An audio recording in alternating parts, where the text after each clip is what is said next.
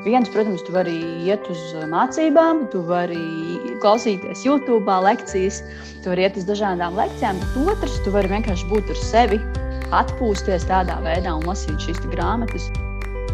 Dažreiz liekas, ka tādas grāmatas, kas ir par sevis meklējumiem, par tādām lietām, ir ļoti tādas bēdīgas vai zini, skumīgas, bet tur uh, vispār nav nekā skumīga, ļoti pozitīva grāmata. Un vēl kas man ienāca prātā, ka vēl šai sievietei ir iespēja sākt kaut ko savu. Nu, ne obligāti tev jāiet pie darba devēja, bet varbūt pats tā kā darba devējs sev. Sveicināti raidierakstā piedzīvot lapuses. Paldies, ka klausies arī šo sarunu.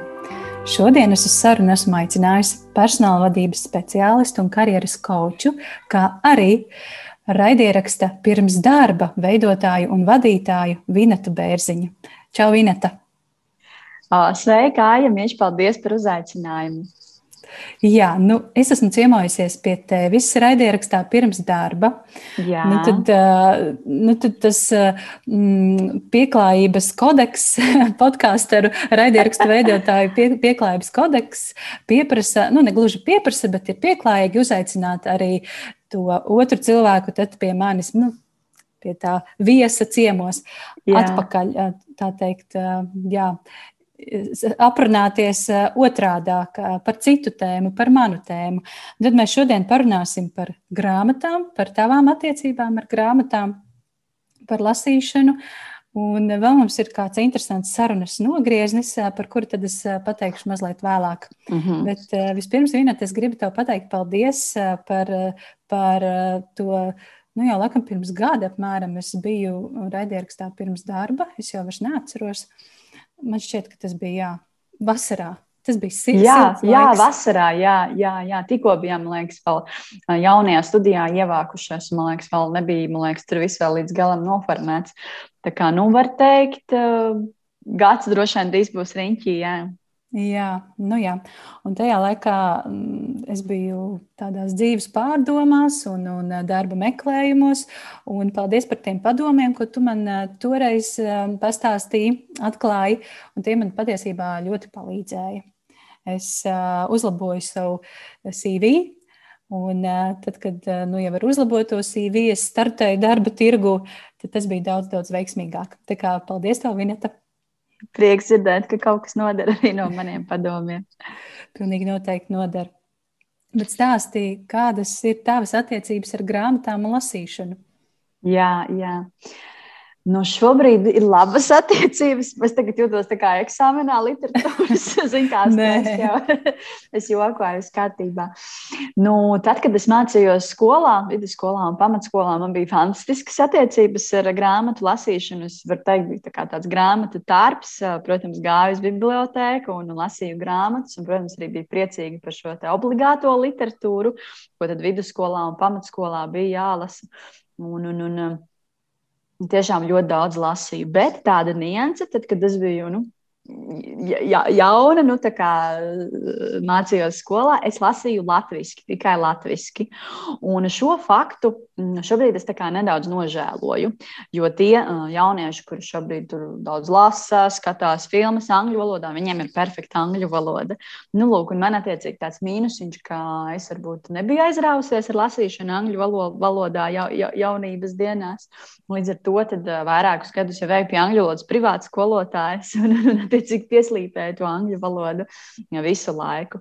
Bet, kā jau minēju, jā, lasīju latviešu un daudz lasīju. Un tad, kad um, pārvācos uz Rīgu, man bija 19 gadi, tad es arī paņēmu kartiņu bibliotekā Rīgā. Nu, Kad pārcēlos tieši pie mājas, pāri ceļam bija biblioteka, uh, dzīvojot varēs pie VF tilta, un tieši tur uh, pāri VF tiltam bija biblioteka, nu, burtiski mazāk kā 5 minūtes, ko iet.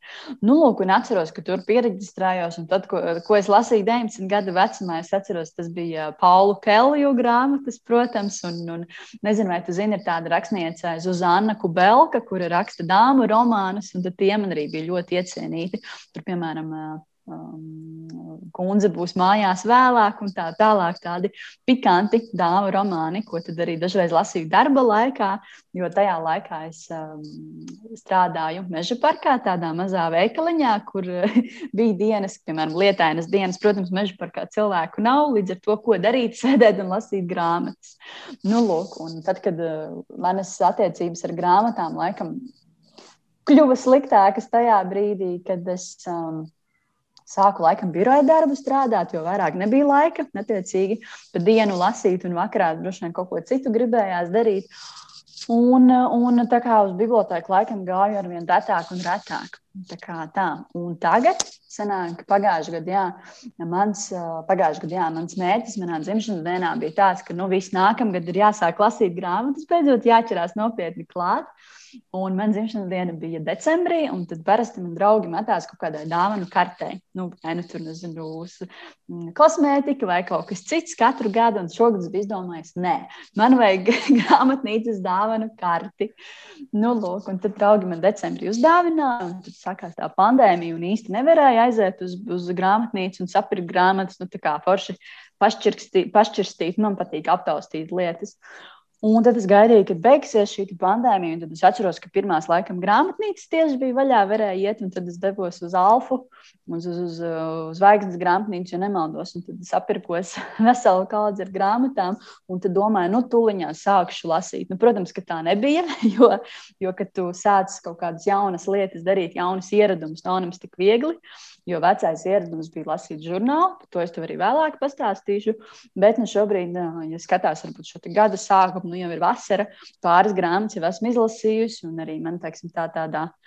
Tu du sarakstā ir vairākas grāmatas, tā kā par to arī vēlāk varēsim parunāt. Nu, tā īsumā ir manas attiecības ar grāmatām. Mm -hmm.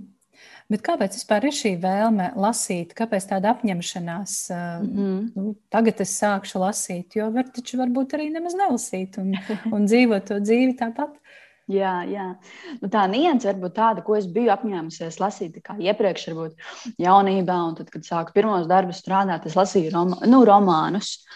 Un tie man tā kā vislabāk patika no, no, no vis, visiem šiem žanriem. Un šobrīd es eh, romānus, var teikt, nelasu. Nu, vienīgais, ko es pēdējais izlasīju, bija Kristīnas un, un Kristapa Liepiņa šis tā, šī tā grāmata par, par, par kalnos kāpšanu. To arī vēl, varam vēlāk parunāt, liekas, arī viņi izlasīja. Mm -hmm. Bet es šobrīd koncentrējos uz tādām grāmatām, kas ir par pašattīstību, par coachingu, par sevis izzināšanu un tādām lietām. Jo šobrīd, šobrīd man tā ir ļoti aktuāla tēma. Viens, protams, tu vari iet uz mācībām, tu vari klausīties YouTube lekcijas, tu vari iet uz dažādām lekcijām, bet otrs, tu vari vienkārši būt ar sevi, atpūsties tādā veidā un lasīt šīs grāmatas, kur ir dažādas uh, foršas lietas un arī kaut ko, kaut ko jaunu var iemācīties. Mm -hmm. Tu teici, ka tu iepriekš lasīji žurnālus vairāk.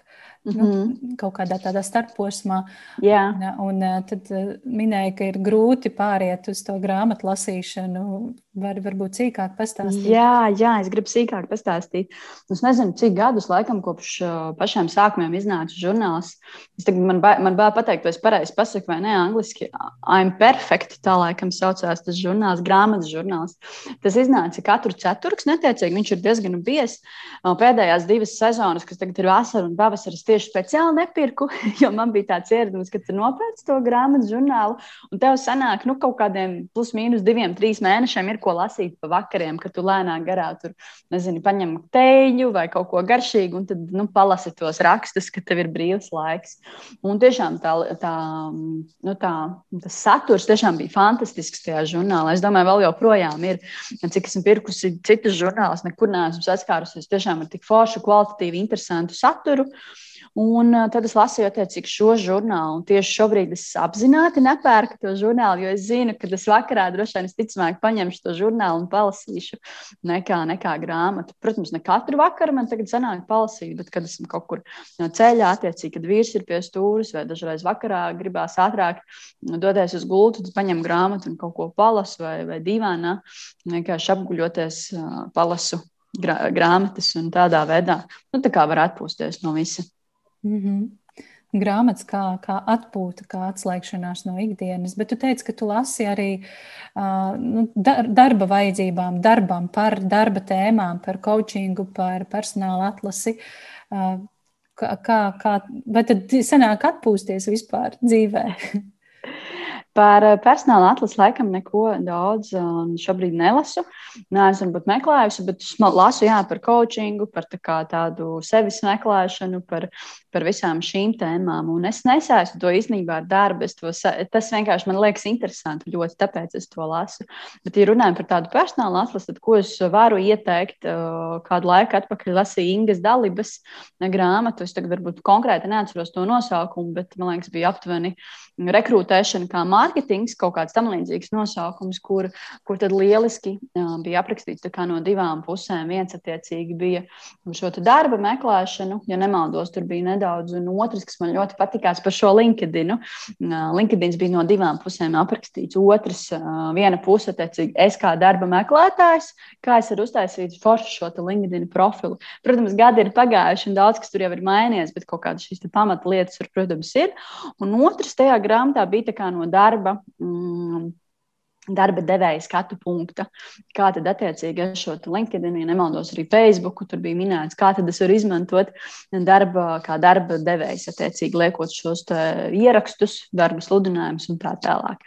Tā kā šī varbūt ir tāda laba grāmata latviešu valodā, kas toreiz, kad es nu, pirms pāris gadiem lasīju, likās, o, ļoti mūsdienīgi, ļoti forši.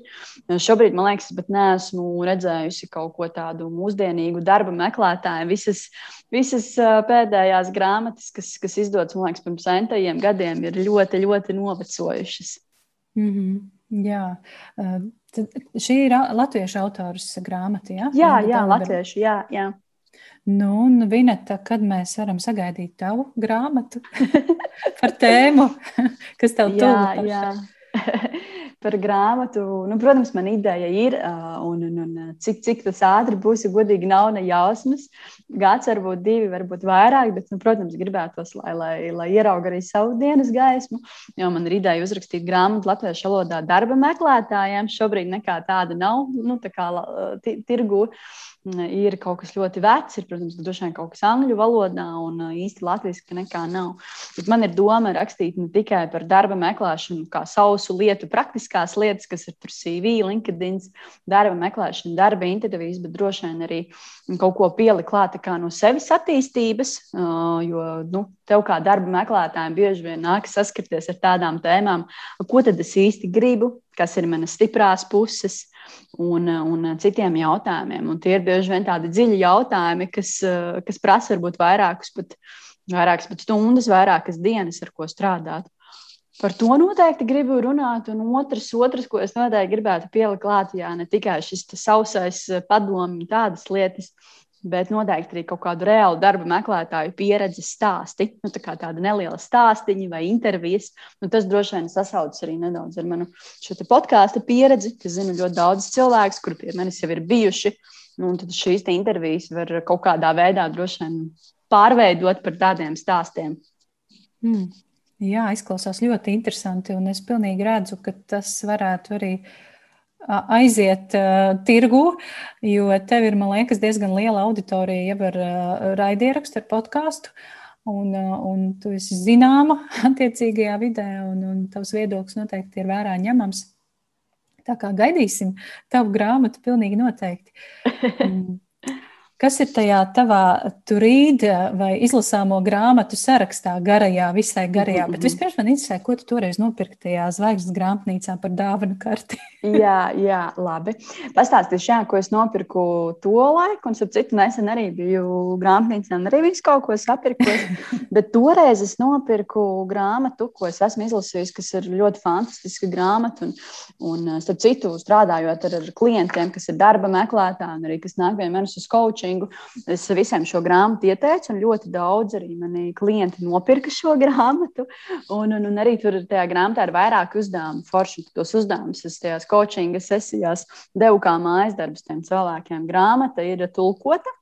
Stefānija Štāla autors ir, un grāmatas nosaukums ir Tavs iekšējais bērns grib atrast mājas. No vienas puses, varbūt tāds smieklīgs nosaukums, bet grāmata ir ļoti dziļa un tā stāsta par to, ka katram cilvēkam ir šis Mm, iekšējais bērns, attiecīgi šis te, viņu definē par tādu kā saules bērnu, kas ir mūsu šī gais, gai, gaisīgā puse, pozitīvā, ko mēs esam guvuši tātad bērnībā šos poz, pozitīvo devu no vecākiem, no skolotājiem, no vecvecākiem, un attiecīgi tur arī ir aprakstīts šis ēnas bērns. Tātad ēnas bērns ir tā varbūt ne tik pozitīvā pieredze, ko mēs esam guvuši bērnībā, tātad no mūsu vecākiem, vecākiem un, un, un skolotājiem. Nu, Gan arī katram cilvēkam ir šīs te, kā, šis te ēnas bērns, lai arī tā varbūt liekas, ka nezinu, bērnība ir bijusi skaista un lieliska, bet uh, bieži vien pat vecāki varbūt negribot neko sliktu nodarot. Dažreiz bērnam nodara pāri, pat, uh, nu, pat varbūt pat nesaprotot, kaut ko pasakot, un tad bērns to uztver uh, nu, kā savā redzējumā, nevar būt pārāk pozitīvi.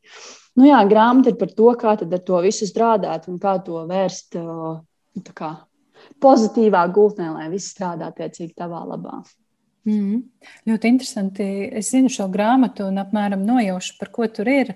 Esmu līdzīgu grāmatu lasījusi, mm -hmm. uh, un, un tu to izmanto coachingā, ja? Kas strādā ar klientiem. Uh, Nu jā, un loģiski padomājot, protams, ka mūsu darba meklējumi un sap, saprāšana, kas es esmu un ko es gribu, tas ir viss saistīts ar to pagātni un, un to iekšējo bērnu, apbižoto, nesamīļoto. Jā, apmulsušo vai nedabūjušo to, ko gribas visu laiku. Jā, jā. Arī tur, jā, droši. jā, droši turpinu to. Nē, es uh, atcerējos nesen, kā es stāvēju pie mantu, ve, rotaļlietu mantu veikala. es ļoti agrā bērnībā un, un raudāju, ka es gribu, un, un mamma neļāva pirkt. Tas ir droši vien mans apbižotais ēnas bērns. nu, man liekas, ka katram bērnam ir šādas atmiņas, jo man arī tādas ir un vīram. Un es domāju, ka visiem. Jā. Bet jā, tas, ko es nepastāstīju tajā grāmatā, jā, runā par šiem ierobežojošiem uzskatiem. Un bieži vien coachingā ar darba meklētājiem es strādāju ar šiem uzskatiem, jo tie ir ļoti bieži, nu, kā nezinu, kaut vienkāršākais piemērs, lai varētu saprast cilvēkiem, darba meklētājiem. Bieži vien ir tā, ka viņi Viņiem ir grūti pastāstīt citiem, ka viņi ir darba meklējumos. Un šķiet, ja varbūt kāds tev kaut ko ieteiks vai piedāvās darbu, ka tu kā, nebūsi pats to atradis un nu, kaunās no tā. Nu, tas ir viens tāds ierobežojošais uzskats, kā piemēram, ar ko es strādāju ar darba meklētājiem. Bet tajā grāmatā jā, ir lieliski aprakstīts, kā bērnībā veidojas visi šie ierobežojošie uzskati un kā viņus pārvērst par šiem pozitīvajiem uzskatiem. Mm. Ļoti interesanti. Paldies. Tu esi mani ieintriģējusi, un es noteikti meklēšu šo grāmatu. Kaut gan tā nav, manuprāt, cik es esmu dzirdējusi, tā nav vienkārši lasāma grāmata. Tas nav tāds. Tā nav, tā nav, jo tur arī ir vairāki uzdevumi. Un daži uzdevumi arī ir tādi, kur nu, tā ir, var palikt skumīgi arī, nu, ja tā nopietni, kad kaut kāda asara var izsprukt un tā tālāk. Jo tev, jo tev ir jāzīmē, jā, jāveido tas tavs saules bērns, tavs ēnas bērns. Tur ir dažādi uzdevumi, kā tad ar to visu strādāt. Un tiešām grāmata ir fantastiska, jo tas ikdienā palīdz apzināties. Nu, piemēram, nezinu, ikdienas situācija, nezinu, vīrs un sieva brauc mašīnā un pēkšņi kaut kāds strīds rodas. Un uh, tas strīds varbūt sievie, sieva varbūt ir uztvērusi kaut kādu vīra teikumu ļoti pie sirds, bet īstenībā tas teikums bija varbūt pilnīgi ikdienišķs un vienkārši, bet viņi tik ļoti to ņēmus pie sirds, jo bērnībā kaut kas ir noticis tāds attiecīgi, šis uzskats ir veidojies tādā veidā, ka šobrīd kaut kāds konkrēts teikums vai, vai, vai, vai intonācija viņai šķiet, ka tagad es neesmu vērtīga vai mani nemīl nemīlu, vai es neesmu pietiekami laba. Nu, visi šie uzskati, kas ir veidojušies bērnībā un joprojām mums traucē pozitīvi dzīvot un iegūt visu no dzīves. Mm. Nu, jā, lielisks ieteikums. Un, runājot par to, ka bez asarām neiztikt, nu, droši vien, ka neviena transformācija nenotiek bez, bez ādas noplēšanas un, un asarām. Jā. Jā. Nu, stāstīji, kas vēl ir tajā tavā izlasāmo grāmatu sarakstā, vai ko tu gribi, vari ieteikt? Jā, jā. Nu, tas, ko es arī nopirku, nopirku grāmatu no tās dāvanu kartes, bija, bija tāda ļoti pozitīva grāmata, ko arī dzirdēju no, no, no, no, no draugiem, ka esot forša. To es laikam atstāju bez muzeja pēdējo lasīšanai, bet esmu nu jau, nu jau gandrīz izlasījusi. Man liekas, palika pāris lapas puses, un pēdējais lapas puses bija par tēmu nauda. Ļoti laba tēma. Ar šo tēmu neiet viegli. Uh, grāmatas autore ir Džena Sincero. Cik es dzirdēju, viņa arī sarakstījusi foršas grāmatas tieši par naudu, par attiecībām ar naudu. Un šī grāmata ir, ir, ir, ir man liekas, arī angļu valodā, bet es lasīju latviešu. Un latviešu viņa skan šādi: Tu esi sasodīta lielisks, pārstāji par sevi šaubīties un sādi dzīvot ar vērienu. es biju skeptiski, godīgi par šo grāmatu. Lasīju atstāju uz pēdējo, uz pēdējo un sāku lasīt pēdējo. Bet šī es biju ļoti pārsteigta. Es viņu izlasīju, nu, man liekas, pāris dienās. Nu, labi, man pāris lapas vēl ir palikušas, bet, bet to visu lielāko daļu es tiešām burtiski pāris dienās izlasīju. Un man liekas, ka tā ir pozitīvākā grāmata, ko es vispār savā dzīvē esmu lasījusi. Dažreiz liekas, ka tās grāmatas, kas ir par sevis meklējumiem, par tādām lietām, ir ļoti tādas bēdīgas vai zini, skumīgas, bet tur uh, vispār nav nekā skumīga, ļoti pozitīva grāmata. Un īstenībā es to grāmatu lasīju tādā brīdī, kad um, varbūt nejūtos tik ļoti pozitīvi noskaņota. Un tas bija man tā tāds glābiņš, ka tur vakarā lasu to grāmatu, un tu lasi tikai tās foršās, pozitīvās lietas, visus šos ieteikumus. Protams, arī par ierobežošiem uzskatiem. Tur bija stāsts par to, kā sasniegt vairāk, par to, kā mm, sasniegt savus mērķus, par naudu un visādām citām tēmām. Un tā, tā bija tiešām tā tāds foršs glābiņš, un grāmatas vārks ir tādā dzeltenā krāsā. Tiešām tā sajūta, tad, kad tu lasi to grāmatu, ka tu esi tādā pozitīvā virpulī un ka tu gūsti visādu ja, jaunu informāciju un visādas atziņas. Mm. Man uzreiz jautājums par šīm eh, nu, šāda veida grāmatām, kuras varētu dēvēt par pašpalīdzības grāmatām. Mhm. -huh. Kā tu tās izvēlies? Jo reizēm tiešām var pamatīgi iekrist un, un eh, nu, dabūt kaut ko nu, nevisai kvalitatīvu, teiksim tā. Mm -hmm. kā, kā tu veic izpēti, lai tu iegūtu to, ko tu vēlies? Mm -hmm. Zini, kā tev ir taisnība. Tu nekad nevari zināt, pirms neesi izlasījis to grāmatu, vai būs vai nebūs vērtīga. Bet es paļaujos laikam uz intuīciju, un man ļoti patīk tīri fiziski aptaustīt to grāmatu. Tātad, kad esmu grāmatnīcā, es viņu paņemu rokās, protams, bišķiņu paskatos saturā, pašķirstu, palasu atsauksmes tur otrajā pusē un, un, un, un to aprakstiņu un tā tālāk. Un, ja mani tas uzrunā, tad es to grāmatu ņemu. Nu, protams, arī es cenšos saprast, vai mani grāmata uzrunā, vai tur būs priekš manām vērtībām, maniem uzskatiem kaut kas, kaut kas uh, līdzīgs. Jo, teiksim, tā, ja es jūtu, ka šī grāmata galīgi neiet ar kaut kādām manām vērtībām vai uzskatiem, nu, visticamāk, es neņemšu to grāmatu, jo man tāda sajūta, ka nav tā kā mums pa ceļam. Mm. Ir varbūt sanācis vilties arī nopirktajā, izlasītajā, vai, vai es esmu sākusi lasīt un sapratusi, nē, tomēr šis ir šis nav mans. Nē, dzīvē noteikti tā ir bijis, bet šobrīd pēdējā laikā neatceros. Man ir bieži vien tā, ka es vairākas grāmatas vienlaicīgi lasu, esmu iesākusi lasīt, un, un, un tā, ka es uh, izlasu un šķiet, ka galīgi garām nē.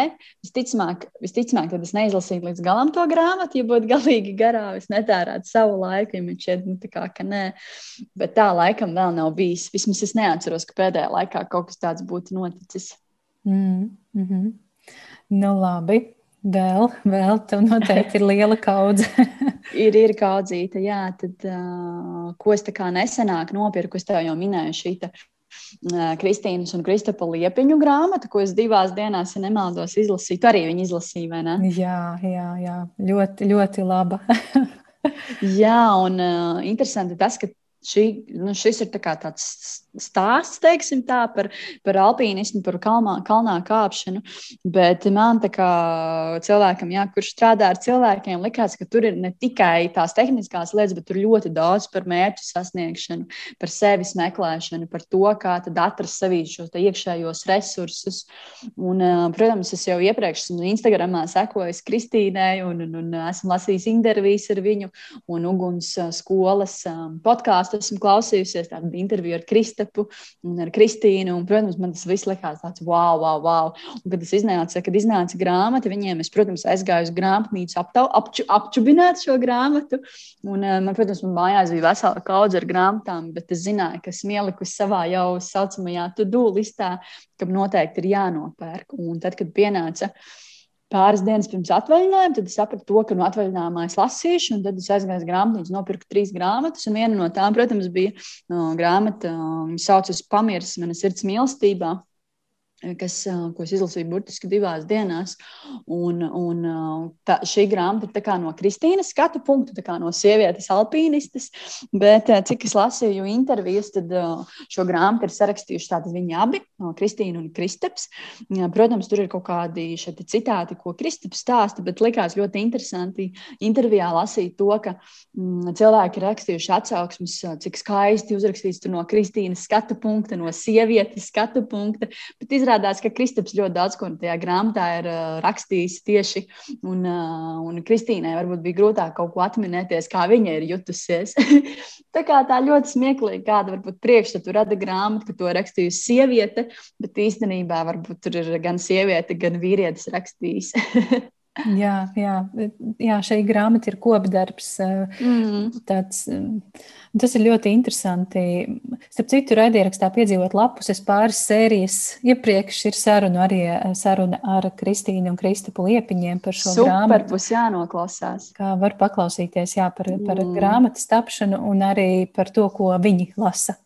Super, noteikti noklausīšos, jo es nesen izlasīju, ja nemaldos žurnālā, sestdiena, laikam, intervijā ar viņu un to ugunsskolas interviju noklausījos. Uh, Un, un, un uh, man, man ļoti patīk īstenībā, tad, kad tu kaut ko vai nu izrādi, noskatījies, vai nu kādu filmu, vai nu grāmatu izlasīsi, tev ir kaut kādas vēl intervijas, ko lasīt vai klausīties. Kaut kā tā bilde saliekas kopā labāk. Jā, tu paildzini to nu, baudu, kaut kādu jā, satikšanos jā. ar tekstu un, un tuvināšanos autoriem. Jā, tas tā ir. Noteikti. Un, starp citu, lasot šo grāmatu, man bija tāda tā kā līdzjūšanas sajūta. Un tad, kad jā, tur Kristīna un Kristapam neklājās viegli kāpjot tajā, tajā pamirā, un es pilnīgi jūtu līdzi un gribējās ātrāk tikt tālāk uzzināt, vai tad viņi tur tika veiksmīgi augšā vai tika lejā, un kā tad viņiem tur gāja un tam līdzīgi. Mm. Tā kā ļoti, ļoti varēja just līdzi tai grāmatai. Jā, es piekrītu. Labi uzrakstīts eh, darbs par Jā. Eh, ne tikai par kalniem, bet arī par sevis eh, meklēšanu, saprāšanu un, un, kā tu minēji, par mērķiem. Jā. Nu, es esmu gatava klausīties. tu esi gatava. Nu, to, ko, to, ko es varbūt neesmu izlasījusi, varbūt īsumā pastāstīšu. Tā ir viena grāmata, ko es sāku lasīt. Uh, Jūra Rubeņa starp divām bezgalībām grāmata. Uh, šo grāmatu es nopirku tādā iespējā, ka man bija uh, tas gods un lieliskā iespēja noklausīties Jūra Rubeņa divu stundu lekciju. Uh, un iepriekš, es teikšu, pilnīgi atklāti, man bija varbūt. Uh, tāds bišķiņ citādāks priekšstats par viņu. Un, uh, ja es varbūt nebūtu dzirdējis to lekciju, es nemūžam nebūtu nopirkusi droši vien viņa grāmatu. Bet tā uh, divu stundu lekcijā es sapratu, viņš ir tik fantastisks cilvēks un visas tās lietas, ko viņš stāsta, man likās tik ļoti tuvas. Tāpēc jā, es nopirku šo grāmatu un sāku lasīt. Es esmu izlasījusi nu, bišķītiņu pavisam. Uh, sāku lasīt atvaļinājumā. Tur ir par, par, par dažādām praksēm, kā atrast sevi, par meditāciju, par, par dažādām šīm praksēm, kas ir saistītas gan ar emocionālo inteliģenci, gan ar fizisko labsajūtu, gan garīgumu un tā tālāk. Un lasot, es īstenībā sapratu, ka grūti lasāma grāmata. Nezinu, vai tu esi vai nē, izlasījusi, bet man, man grūti lasās, teikšu atklāti. Un tur ir jā, vairākas nodaļas, un uh, pirmās nodaļas ir teiksim, tā, tādas iesākuma nodaļas par to, uh, kas tad vispār attiecīgi ir šis tā, sev, sevis meklēšana un tā tālāk vesela milzīga nodaļa. Otra nodaļa, nodaļa ir par to, ar ko vispār sākt. Un tikai trešajā nodaļā sākas šīs prakses. Nu, man liekas, ka man būs interesantāk, kad es tikšu pie tām praksēm reāli. Jo tur ir klusuma prakses, radošā procesa prakses, aktīvisma prakses un, un, un dažādas psiholoģiskās prakses, dažādi rituāli, garīgās prakses, attiecību prakses, un kas vēl tikai ne. Un tas, ka varbūt tas ievads ir tik ļoti garš kaut kādā veidā, varbūt mani tā kā nomulsina, jo tur ļoti daudz ir dažādi skaidrojumi, dažādi termini, un liekas, varbūt bišķiņi tā kā pa garu, un man tā kā nepacietīgam cilvēkam ir grūti to visu lasīt, un gribās ātrāk tikt pie tām praksēm, bet, nu, es ticu, ka es to izlasīju, šo grāmatu, tiešām ir ļoti vērtīga, un, man liekas, ja tu kaut ko tādu lēnā garā tiešām izlasi, tu kļūsti bagātāks cilvēks. Mm -hmm. Jā, es no Jūra Rūbeņa esmu lasījusi viņa grāmatu par attiecībām, par mīlestību. Mm. Viņš un viņa šķiet bija nosaukums. Jā, jā. Un, un es teiktu, jā, ka mm, nu, tā ir filozofija, un kā jebkuru filozofisku darbu, tajā ir jāiedziļinās un, un jāuzķer tas, tas, kā autors raksta, un jāprot tajā iedziļināties, ieplūst tajā tekstā. Bet es novēlu tev izdošanos ar, ar šo grāmatu un, un tiešām ceru, ka varbūt atkal kaut kas noderēs tev praksē. Es arī ļoti ceru, jo tāda bija man viena no idejām. Otrs, kā sevi attīstīt, un otrs, varbūt jā, var noderēt coaching sesijās vai konsultācijās, kā, kā tad es varu palīdzēt cilvēkiem. Mm -hmm. Mm -hmm. Mm. Vēl? vēl, vēl. Vakar, jā, vakar laikam beidzu lasīt uh, Danas Gulbas grāmatu, uh, Sakārto māju, sakārto prātu. Uh, Dānu Gulbi es uh, pazīstu no coachinga. Mēs kopā mācījāmies ar viņu coachingu vienā kursā. Un, uh, un ar Dānu es arī esmu intervējis savā podkāstā. Mums pat divas intervijas bija ar viņu. Un šī grāmata, protams, zināju, kas viņu iegādāšos. Jo tad, kad gāju garām grāmatnīcā, protams, katru reizi redzēju, ka viņa stāv plauktā, smaida un skatās uz mani. Jo, nu, protams, zinot Dānu, un es viņai sekoju viņas aktivitātēm, un kaut kādus gan kursos viņas esmu piedalījusies. Vienā kursā, kad virtuve bija jākārto, es piedalījos, man ļoti patika. Esmu klausījusies arī viņas pārdošanas lekciju no viņas pieredzes. Un, protams, jā, nopirku grāmatu un izlasīju. Nu, man liekas, ka kaut kādās divās, trīs dienās izlasīju šo grāmatu. Man ļoti patika, protams, tevis patika, bet kā sirdīja sirdi to, ka daudzas lietas, ko viņa stāsta par mājas kārtošanu, es esmu jau izdarījusi kā mājas darbu. Bet, protams, ir daudzas lietas, ko es vienkārši zinu, ak, Dievs, šis man vēl obligāti vēl ir jāizdara kaut kad. Jo man, man ir viena tāda bufete mājās, kur ir viss kaut kas, kuru vajag noteikti kaut kad sakārtot. Un nu. šajā grāmatā ir divas daļas. Pirmā daļa ir šie praktiskie padomi, tātad kā kārtot un arī aprakstītas dažādas sadaļas, kā piemēram guļam istaba, dzīvojamā istaba, virtuve, vannas istaba un tā tālāk. Un otra sadaļa ir par šo, tā, kā tad sakārtot prātu, jeb, nu, kas ir attiecīgi šī sevis attīstība, sevis meklēšana un tā tālāk. Un šī sadaļa ir varbūt īsākā no, nu, no visas grāmatas. Man, protams, gribētos, lai tur būtu bišķiņi vairāk kaut kas sarakstīts. Bet šī daļa, protams, arī man ļoti patika. Es ļoti priecājos, ka Dāna ir uzrakstījusi grāmatu. Tā ir viņas otrā grāmata. Un, ja būs trešā, domāju, noteikti arī nopirkšu. Un viņa arī teiksim, tā, tāda iedvesma arī man sākt varbūt kaut ko rakstīt un arī darboties. Mm -hmm. nu, brīnišķīgi. Uh, Jā, par, par to bufeti. tu, tu stāsti par bufeti, un, un es iedomājos, ka nu, katram mājās ir tā viena atvilkne. Tā viena atvilkne, kurā ir viss un nekas. tā ir. Tā ir. Nu, ko Vineta? Es nezinu, ja tev vairs nav mm, grāmatu, ko pieminēt, tad mēs var, varbūt varētu ķerties pie sarunas otrās puses, otrās daļas, kurā mēs varētu parunāt par Par ko tad mēs runāsim? Mēs runāsim Jā. par grāmatu varoņiem, tēliem, kuri ir nu, tādā karjeras lūzuma punktā vai darba meklējumos. Un mm. es mhm. esmu atlasījusi mm, nu, dažus, četri, man ir četri, pieci gadījumi, par kuriem es gribētu ar tevi aprunāties. Un tu, kā nu, personāla vadības speciāliste un karjeras coach, cilvēks ar zināšanām, un prasmēm un, un vīziju, varētu palīdzēt šiem grāmatu varoņiem viņu karjeras dzīvē. Labi, mēģināšu. Jā. Tātad es sākumā aprakstīšu situāciju, aprakstīšu to cilvēku, un, un tad tu uh, pasaki kādu ieteikumu šim mhm. cilvēkam, ko darīt uh, kā, kur virzīties, kā domāt. Nu, lūk, tātad pirmais gadījums, pirmais gadījums ir sieviete, viņai ir 63 gadi, tātad principā tas ir nu, jau tāds pensijas vecums. Un visu savu mūžu viņa ir bijusi mājsaimniece. Viņa nav strādājusi nevienu pašu dienu algotu darbu, viņa ir ļoti rūpīgi uh, ir bijusi ļoti rūpīga sieva savam vīram, katru dienu tīrījusi māju, katru dienu mazgājusi veļu, gatavojusi ēst.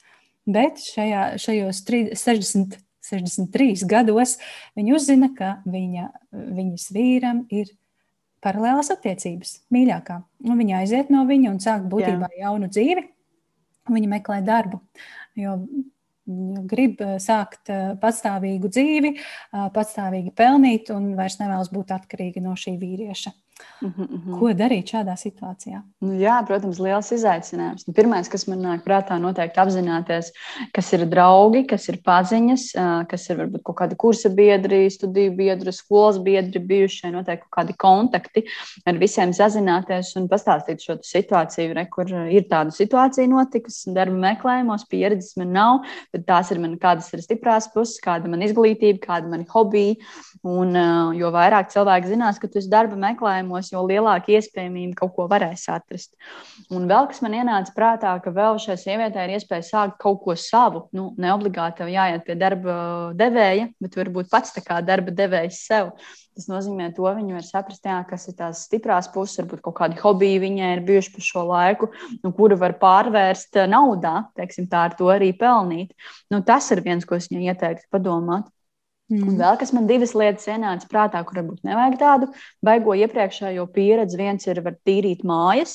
Tā kā tu minēji, ka viņai ir šī pieredze māju darboties, visticamāk, ir lieliski šīs mājas organizēšanas, tīrīšanas prasmes. Šobrīd ļoti daudz cilvēku algo cilvēkus, kas, kas tīra mājas, un tur arī diezgan labu naudu var saņemt par to. Protams, varbūt darbs nav viegls, bet, nu, ja tu gribi nopelnīt, tad rekur ir šāda iespēja. Un otrs, kas man ienāca prātā, pieskatīt bērnus kas to lai zina. Varbūt pašai viņai ir bijuši bērni, ir pieskatījusi varbūt arī mazbērnus. Un bieži vien cilvēki meklē mm, nu, šīs aug, auklītes tieši gados, kurus var gan varbūt bērnus pieskatīt, gan varbūt arī kaut ko ēst, pagatavot un ar viņiem pavadīt laiku. Un bieži vien uzticas varbūt vairāk vecākiem, pirms pensijas vai pensiju, vec, pensiju vecuma cilvēkiem nekā, nekā jaunajiem. Nu, tā kā iespējas noteikti ir. Mm -hmm. Bet nu, tā reāli paskatoties, eh, cilvēks, eh, sieviete pensijas vecumā nekad nav strādājusi Latvijā nu, tas ir diezgan izai, liels izaicinājums. Tas ir ļoti, tas ir ļoti liels izaicinājums. Nu, te es redzu tiešām šīs trīs iespējas. Viens, ka tu mēģini ar kaut kādiem draugiem paziņām atrast darbu, jo tā, ja tu pēkšņi sāki sūtīt CV, kurā nekas nav, nu, un tevi neviens nepazīst, protams, būs ļoti liels izaicinājums. Otrs, jā, saprast, varbūt, ko viņa pati var sākt eh, darīt, kaut kādu biznesu, varbūt kaut kādus rotas gatavot, varbūt kaut kādus skrubjus, varbūt kaut ko adīt, tamborēt un to pārdot. Var, ja ir bērni, var iesaistīt bērnus, kas var palīdzēt tur, tur Facebookiem, Instagramiem, pārdošanām, Etsy kontiem un tā tālāk. Un tad tās divas profesijas, kas man ienāca pirmais prātā, māju tīrīšana un pieskatīt bērnus. Bet varbūt vēl, vēl, kaut ko var, jo es jau nezinu, kas, kas tam cilvēkam ir stiprās puses, kāda ir izglītība un tā tālāk. Tātad svarīgi, ja šī sieviete, piemēram, nonāk pie tevis nu, karjeras konsultācijā vai, vai coachinga sesijā, tad uh, droši vien, ka tu pirm, pirmais, ko tu darītu, izzināt šīs stiprās puses, vai ne? Un, un Protams, kas, kas iepriekš ir darīts, kāda ir izglītība, kas ir stiprās puses un tā tālāk. Ko arī mājās cilvēks ir darījis, kādi hobiji. Nu, nevar būt tā, ka tikai mājās sēdēs. Visticamāk, kaut, kaut ko ir tomēr darījis, varbūt kaut kādi hobiji, kaut kādas aizraušanās un tā tālāk. Mm.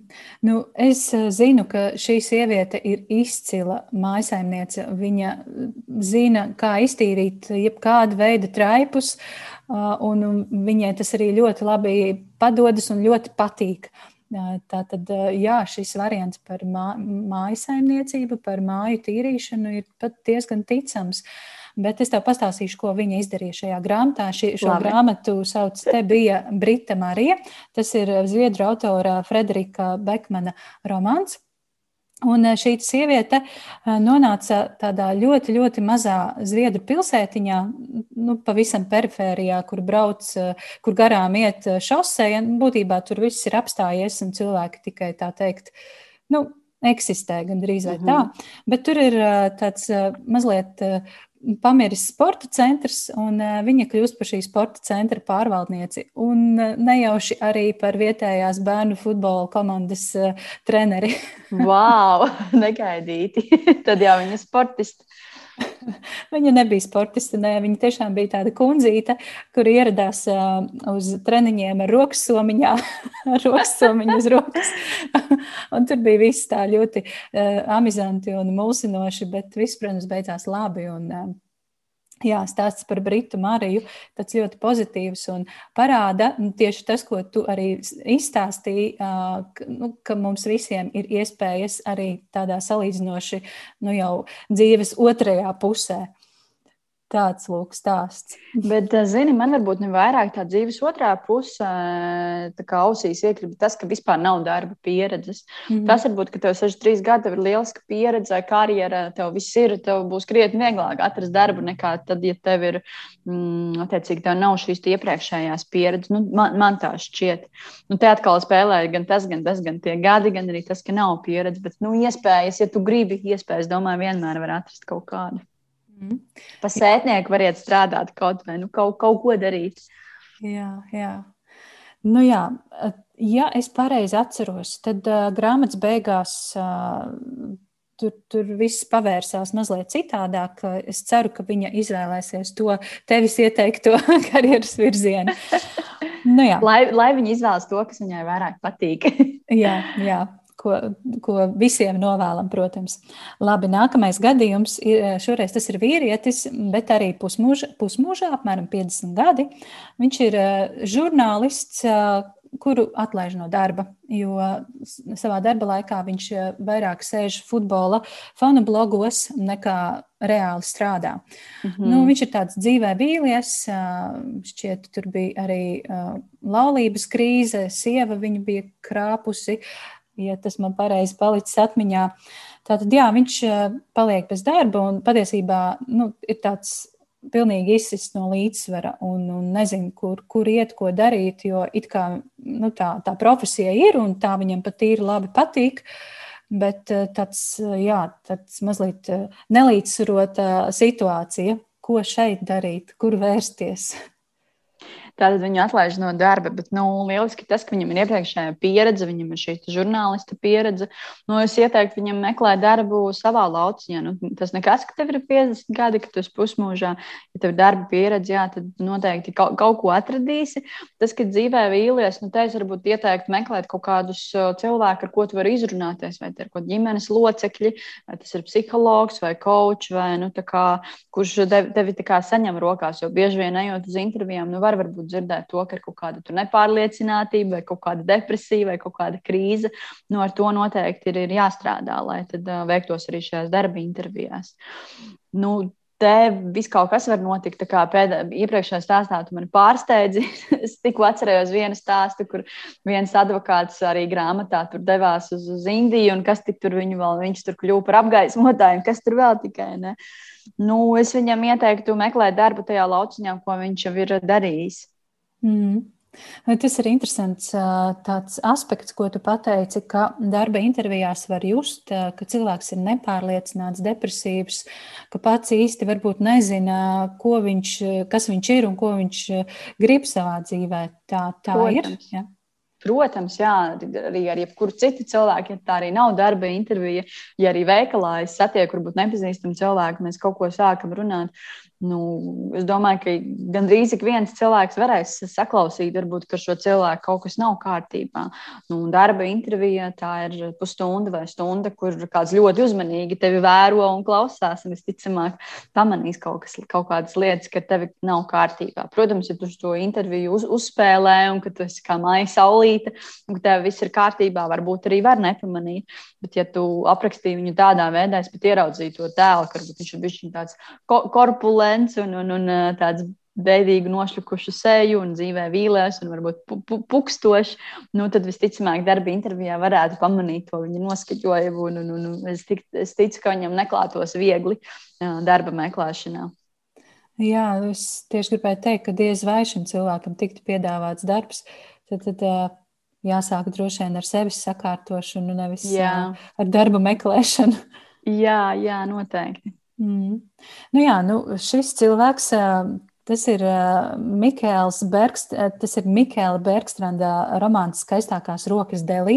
Un kā tu nojauti no nosaukuma, arī šis žurnālists devās uz Indiju. Tad es uzminēju.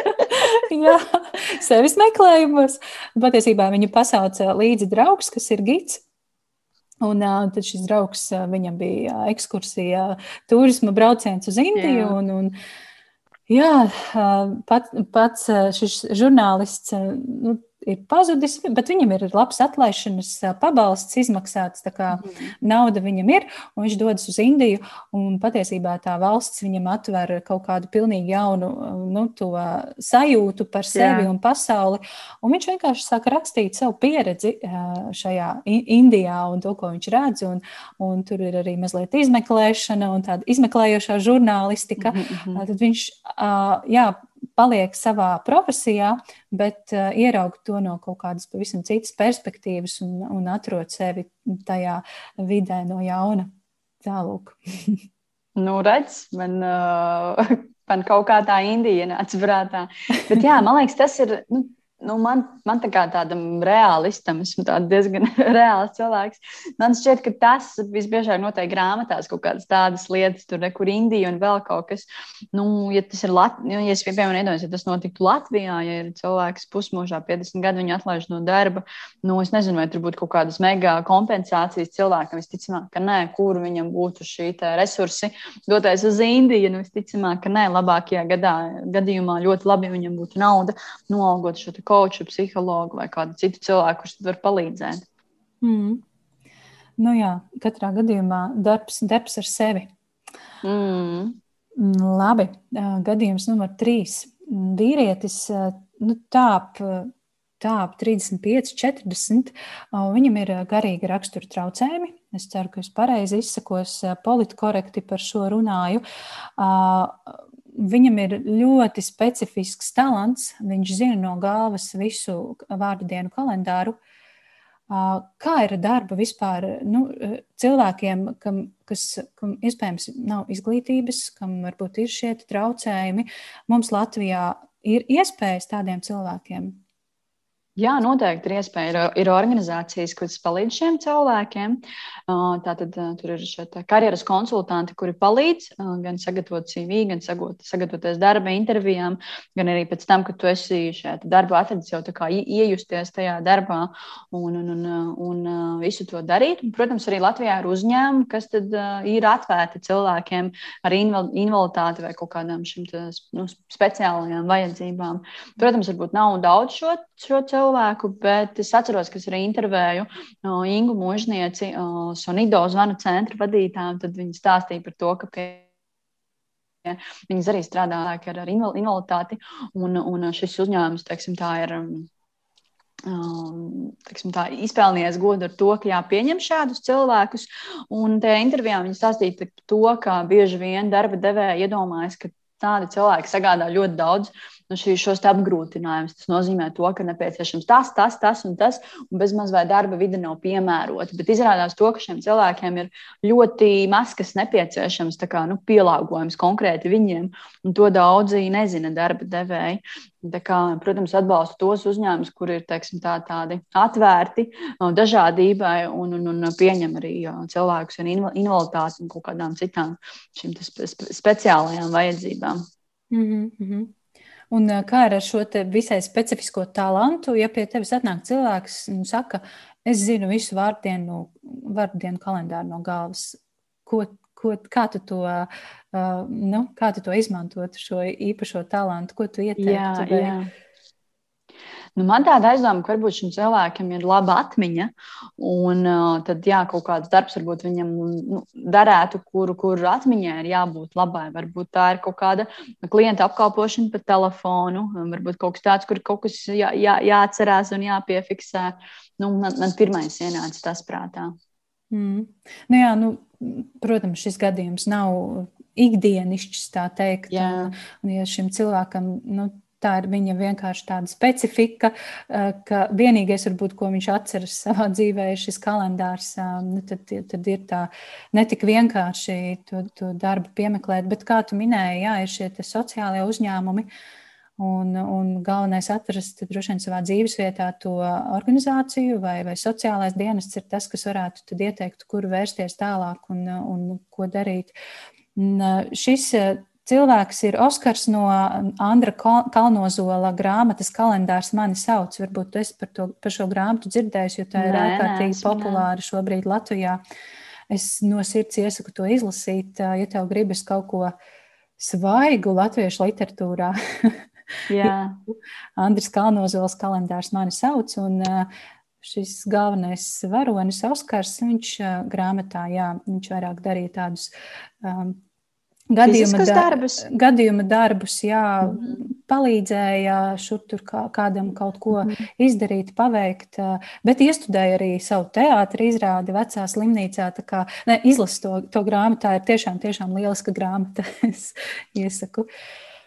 Tā, labi. Nu tad uh, vēl vienu, um, mēs esam pamatīgi aizrunājušās, bet vēl vienu gadījumu. Um, studente tikko sākusi studēt 18 gadi, Mm, viņa ir būtībā aiz, aizbraukusi prom no mājām. Viņai nav nekāda atbalsta no, no vecākiem, no ģimenes. Viņa ir jaunā vietā, jaunā pilsētā, tikko sākusi studēt. Kā ir ar studentu darbiem? Kur studenti mūsdienās strādā? Varbūt tas zini.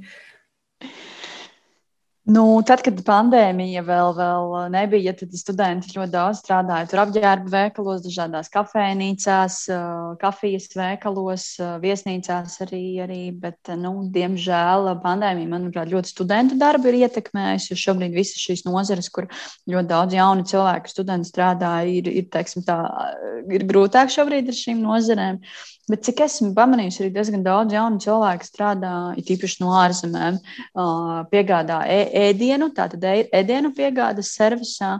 Nu, un šī meitene, jā, var skatīties, jā, varbūt kas viņai labāk patīk, padodas. Bieži vien var puslodzē dabūt kaut kādu biroja darbu, Tas ir otrs, attiecīgi. Un, ja, š, ja, šī, ja šis cilvēks studē, tad ļoti forši ir kaut kāds maiņu grafiks, ko tad var pielāgot attiecīgi studijām. Nu, tad tie parasti ir pārdevēja darbi, šie oficiantu darbi, viesnīcā kaut ko ap, apkalpot vai tīrīt, kaut ko darīt. Nu, nu, to, to laikam var, var, var, var darīt. Un, nu, darbu noteikti va, va, var atrast jauns cilvēks, ja pats cenšas. Mm. Jā, tu, tu pieminēji tādu diezgan sāpīgu tēmu šobrīd, jo pensionāri tiek atbalstīti, nu, strādājošiem arī ir atbalsts, bet tie studenti un jaunieši paliek tā. Nu, tāda nevienam, nevienam vajadzīga īsti nav.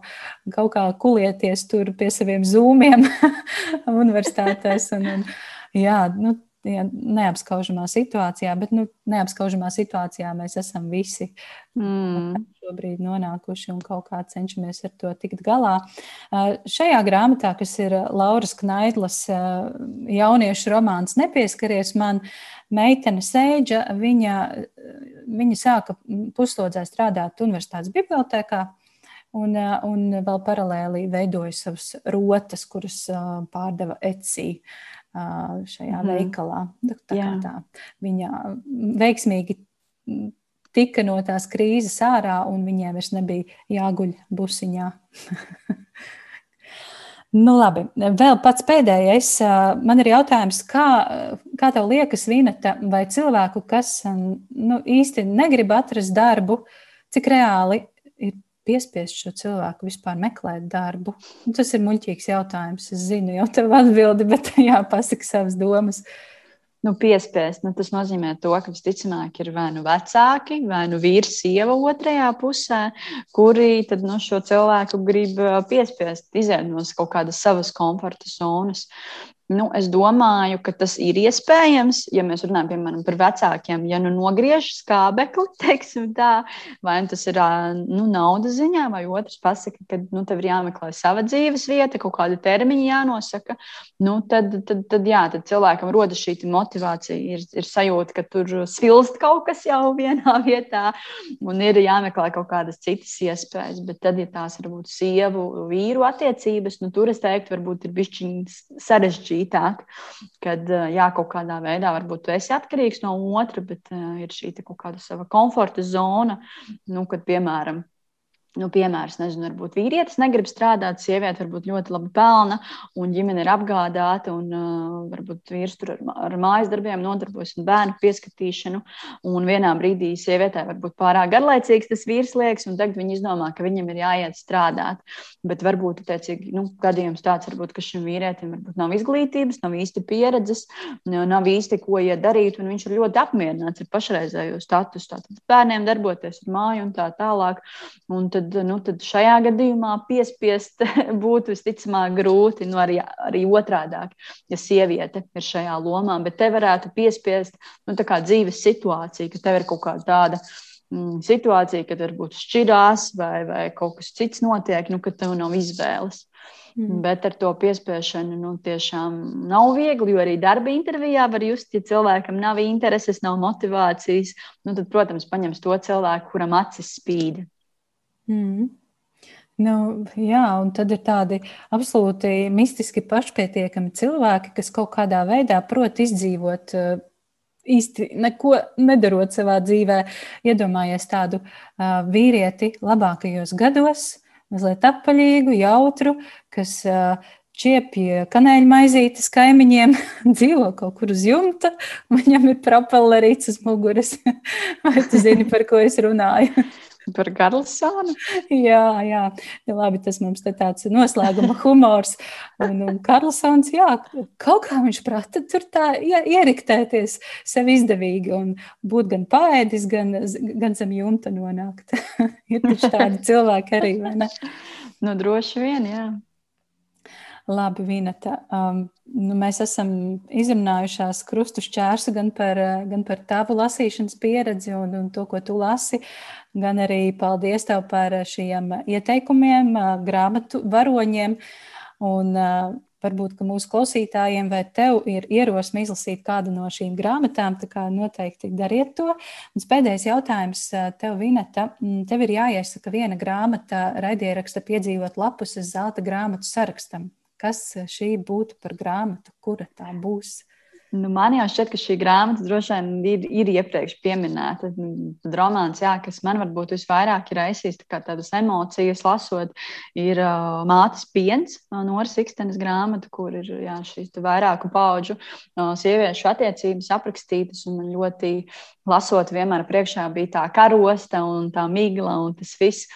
Nu, es to noteikti iesaku ikvienam cilvēkam izlasīt, jo nu, pirmkārt tas ir latviešu, lat, lat, latviešu darbs, un, un es ļoti iesaku gan iet uz kino, latviešu filmu skatīties, gan pirkt latviešu grāmatas, gan pirkt vietējo zem, zemnieku gardumus, nu, atbalstīt vietējos, kā vien mēs varam. Mm -hmm.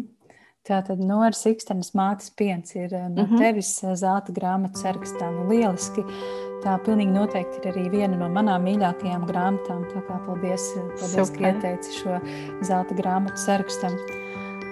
Huh, nu paldies, tev, Vineta. Manuprāt, mums izdevās lieliska saruna.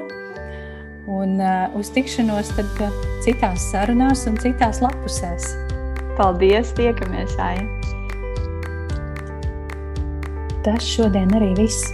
Paldies, ka noklausījies! Ja tev patika un likās noderīga šī saruna, noteikti uzraksti savas pārdomas Facebook vai Instagram, vai varbūt uzraksti man e-pastu uz piedzīvot atgmail.com. Vēlēs atbalstīt podkāstu tapšanu? Dodies uz www.patreon.com šķērsvītra piedzīvot un kļūsti par podkāsta mīļāko atbalstītāju, jeb patronu.